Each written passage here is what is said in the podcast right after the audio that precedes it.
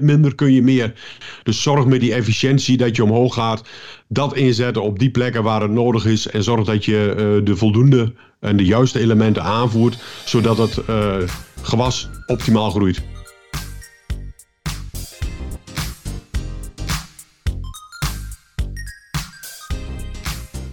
Welkom bij de Jara Podcast. Goedemiddag Theo, ik zie jou in het zonnetje zitten. Uh, of regent het nu bij jou? Nee, het regent niet. Het is een beetje bewolkt. Maar, uh, nee, maar in het, uh, bij jou is het volgens mij ook een lichtelijk bewolkt als ik zo achter jou kijk. Maar het, uh, het, is, het is geen gek weer. Nee, het is geen gek weer. Ik stond gisteren stond ik nog in het veld op de veengrond in Akoude bij, bij Amsterdam. En daar waren ze nog aan het maaien. En ik moet eerlijk zeggen, het gras zag er, zag er nog wel goed uit. Terwijl de ondergrond toch redelijk, zoals ze dat daar zeiden, sompig was. Uh, maar uh, ze hadden toch nog wel een mooie, mooie snede ervan af, leek het. Maar uh, het is wel een beetje gebeurd, denk ik, hè, Theo? Ja, het, is een beetje afwachten. Kijk, ik heb eens vaker verteld dat je in december ook nog mensen ziet grasmaaien. Dat is, het is gewoon afwachten wat, wat, wat de rest van de tijd gaat doen. Kijk, klapt de wind naar het oosten toe en komt de, de, de, de, de, de, de ijsdagen komen deze kant op en de sneeuw en hagel en nachtvorst. Ja, dan gaat het stilstaan. Maar ik heb het vermoeden, en het, we hebben nu een paar dagen weer wat kouder weer gehad. Uh, de temperatuur trekt weer aan, dus het kan ook maar zo weer doorgroeien. Dus ik heb onderweg ook heel veel gezien. Ik ben uh, begin van de week even een, een, een, tochtje naar Zeeland geweest. Even in Sluiskil op visite geweest. En ondertussen kijk je rond als je over de weg rijdt. En dan zie je links en rechts dat er gemaaid is. En dat er nog steeds gemaaid wordt kwaliteit lijkt mij in ieder geval heel goed. Maar het blijft in ieder geval altijd wel een spannende. Ja, wat doe je met dat herfstgras? En uh, ja, koeien voeren met herfstgras betekent dat je eigenlijk naast de hoeveelheid uh, eiwit die je vanuit het gras krijgt, ook energie bij moet voeren. Uh, ja, probeer de, de mais erbij te zetten, zodat je een beetje compenseert. Dus het over, overdaad aan eiwit een beetje afvangt met, met energieproducten als, als mais. Dus uh, degene die de mais gehakseld hebben, die zullen hem nog niet echt los kunnen trekken. Maar die moet nog even conserveren. Maar de anderen die dan nog wat oude mais hebben zitten, is het wel een heel moment. En ook dankbaar zijn je koeien ervoor als je er wel bij kunt voeren. Ja, ja nee, zo dus- is het ook wel. Maar over het algemeen denk ik dat nu wel een beetje de tijd uh, is om te kijken naar je strategie van volgend jaar. En ook met bemisten. Absoluut. Um, ik denk dat we het daar ook even over moeten hebben. Want daar gaat het, gaat het in het najaar vaak om. Ja, het is uh, gezien de marktsituatie, daar kunnen we op aanhaken. Het is, het is, het is nadenken. Uh, je weet, in de afgelopen jaren hebben we zo'n rare markt gehad met, met, met, met, met hoge prijzen, lage prijzen. Uh, het, het, het, bepalen van welk product je wilt. we hebben afgelopen jaar eigenlijk heel veel geluk gehad dat het een laat voorjaar was. Anders hadden we toch wel het idee dat het het eerste keer echt zou zijn dat we het product niet op tijd op de plaats zouden kunnen krijgen. Dus het is, het is niet zo van ik uh, ga iedereen uh, uh, zeggen van je moet nu gaan kopen. Maar het geeft wel heel veel rust, ook voor jezelf, als je product in de schuur hebt staan, dat je straks direct aan de slag kunt. Dus een gedeelte inkopen. Kijk, je ziet die gasprijs zie je wat op en neer springen. Je ziet het probleem in, in het, in het Midden-Oosten als de olieprijzen naar boven schieten, gaan gasprijzen ook rare dingen doen. Dat zijn situaties. Uh, India wordt iedere keer geroepen, die gaat veel kunstmest inkopen, geeft ook weer druk op de markt, dus die prijs kan naar boven naar beneden. Uh, China schijnt uh, de grenzen dicht te drukken, dus die gaan niet alle steenkool in de brand steken om daar kunstmest van te maken, om energie te produceren en kunstmest van te maken. Dus dat, dat, die houden ook een beetje de hand op de knip, dus de hoeveelheid die geproduceerd wordt zit wat onder druk. Uh, kijk, gaat de vraag naar gas enorm toenemen, zul je die gasprijzen ook weer uh, naar boven zien gaan. We hebben hem zien stijgen, ook weer zien dalen. Dus het is uh, volatiel. Een uh, stukje zekerheid. ja, blijft toch continu het advies. koop in, in, in, in gedeelde zin. Dus ben je veel nodig, koop in ieder geval een gedeelte. En dan ben je daar in ieder geval van verzekerd. Ja, want dat zou je advies nu op dit moment zijn als we kijken naar de huidige marktsituatie. Absoluut, ja absoluut. Kijken we naar de producten um, en strategie misschien ook wel eventjes. Want je ziet nu uh, ook het kruidrijk grasland uh, zie, je, zie je steeds meer toenemen. Um, misschien ook wel onder druk van de maatschappij, uh, maar ook ehm, bodemvruchtbaarheid. Wat, wat kunnen we daarmee met bemesten? Nou ja, in ieder geval uh, waar ik ooit in het verleden mee begonnen ben met het adviseren van, en dat was dan niet echt kruidenrijk, dat was meer richting de klaver, maar kruidenrijk mag je daar ook een beetje onderscharen. Uh, ideaal uh, om klaver te verbouwen en kruidenrijk op de armere stukken van je percelen, op het armere gedeelte. niet te rijk, dat stond laatst ook alweer een mooi artikel ergens in. Ja, we willen kruidenrijk gaan verbouwen op grond die hartstikke rijk is. Ja, dat is eigenlijk ja, een beetje tegennatuurlijk. Als je vroeger kruiden zag, dan zag je die onder de draad, waar niet bemest werd. Daar zag je de kruiden staan en de rest niet. Dus het is nog een lange weg om daar ook het ook goed geschikt voor te maken. Maar dat betekent wel dat je het in principe zou moeten verschalen om goed kruidenrijk te kunnen verbouwen. Maar je ziet wel steeds meer resultaten. Je ziet steeds meer mensen die daar toch enthousiast over zijn. Al is het aandeel nog niet uh, gigantisch groot, maar het neemt wel toe. Iedereen is ermee bezig. Uh, het wordt ook een beetje, nou, net wat je zegt, door de maatschappij ingegeven. Er wordt over gepraat. Kruidenrijk is uh, en, en biodiversiteit. Dat zijn woorden, daar krijg je aandacht mee als je, als je dat roept. Is een hele goede ontwikkeling. Maar wees wel heel kritisch op waar je het inzet en hoe je het inzet. En ook met je bemesting. ga je met flink klaver aan de slag trek dan toch ook die bemesting een beetje terug. En ga niet op de ouderwetse manier door met bemesten. Want dan ben je iedere keer weer aan het, aan het vervangen toe. En uh, nou ja, vandaag, uh, gisteren kwamen de berichten ook in dat uh, Roundup wordt, wordt waarschijnlijk een spannend verhaal. Van 2025 dat je het spul niet meer door mag spuiten. Dus wil je met graslandvernieuwing aan de slag. Ja, dat wordt een spannende. hoe, hoe dat gaat lopen en hoe we dat moeten gaan doen. Dus ze gaan nu op zoek naar alternatieven. Maar ja, dat zijn wel berichten als je met graslandvernieuwing en ja, uh, de eerste opmerkingen van, van boeren die ik erover hoor. Dan gaan we weer ploegen. Dan gaan we de niet kerende grondbewerking, die wordt weer achterwege geladen. We moeten toch die onkruiden en spul moeten we kwijt. En vroeger deden we dat met, uh, met drie liter uh, Roundup of glyfosaat. En dat kan dus niet meer. Dus er gaat wel wat veranderen. Dus wat er daar nog uitkomt, maar het is wel een, ja, een spannende situatie. En als we het nou eh, vanuit eh, jullie deskundigheid bekijken, eh, jullie expertise op het gebied van, van minerale meststoffen, wat, um, wat zou jouw advies zijn? Kunnen we, kunnen we er iets mee? Ja, kunnen we er iets mee? Uh, ja, we, moeten even zien wat er, wat er verder voor de rest uit gaat komen. Kijk, uh, richting het verbouwen van Kruidenrijk uh, is, is, is gewoon minder bemesten en is daar echt heel goed rekening mee houden. En proberen het spul niet kapot te rijden. Dus niet te zware machines erop. En alles doen om het te, te, te, te, helpen voorkomen dat je van de ene een overdaad krijgt. Ik zie links en rechts ook foto's komen. Er zit geen gras meer in. Het is allemaal kruiden. En aan de andere kant uh, zie ik ook foto's van, uh, en, en, en berichten van boeren dat het kruiden gewoon verdwijnt. Of dat de verkeerde kruiden de kop opsteken. Ja, en dat is blijft uh, management gebeuren. En heb je een droogzomer, uh, heb je heel veel diepwortelende onkruiden en kruiden die zich gaan manifesteren. Ja, als je daar straks geen afscheid meer van kunt nemen, dat het, dan, wordt, dan wordt het lastig om met vernieuwing aan de slag te kunnen.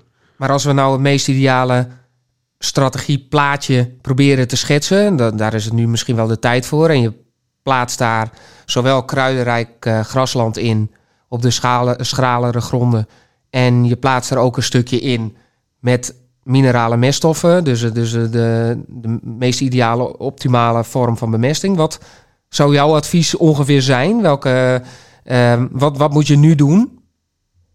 Op dit moment uh, mag je niks. Dus uh, bij wetgeving is verboden nu mesterijen. Dus gras groeit ook niet. Nee, maar ik bedoel, echt, uh, ik bedoel echt in de, in de aanloop naar volgend jaar. We moeten nu inkopen, toch, Theo? Ja, je moet inkopen. En uh, ja, dan kom ik toch wel met het aloude bekende verhaal. We moeten toch richting het zwavelverhaal moeten we kijken. Ammoniumnitraat, meststoffen. Uh, en de hoeveelheden is afhankelijk van waar ga je je grond voor gebruiken. Maar koude grond uh, in het voorjaar en dan zonder zwavel bemesten is... Ja, dan laat je toch wel behoorlijk wat opbrengst liggen. Dat is onder andere een, een belangrijk verhaal. En ben je met gezondheid van koeien bezig... dan praten we natuurlijk ook over de selenium. En dan is een weidesulfan is een, een prachtproduct om te gebruiken. Uh, zit je op de echt zware grond waar jij uh, de, de, de zag uh, deze week.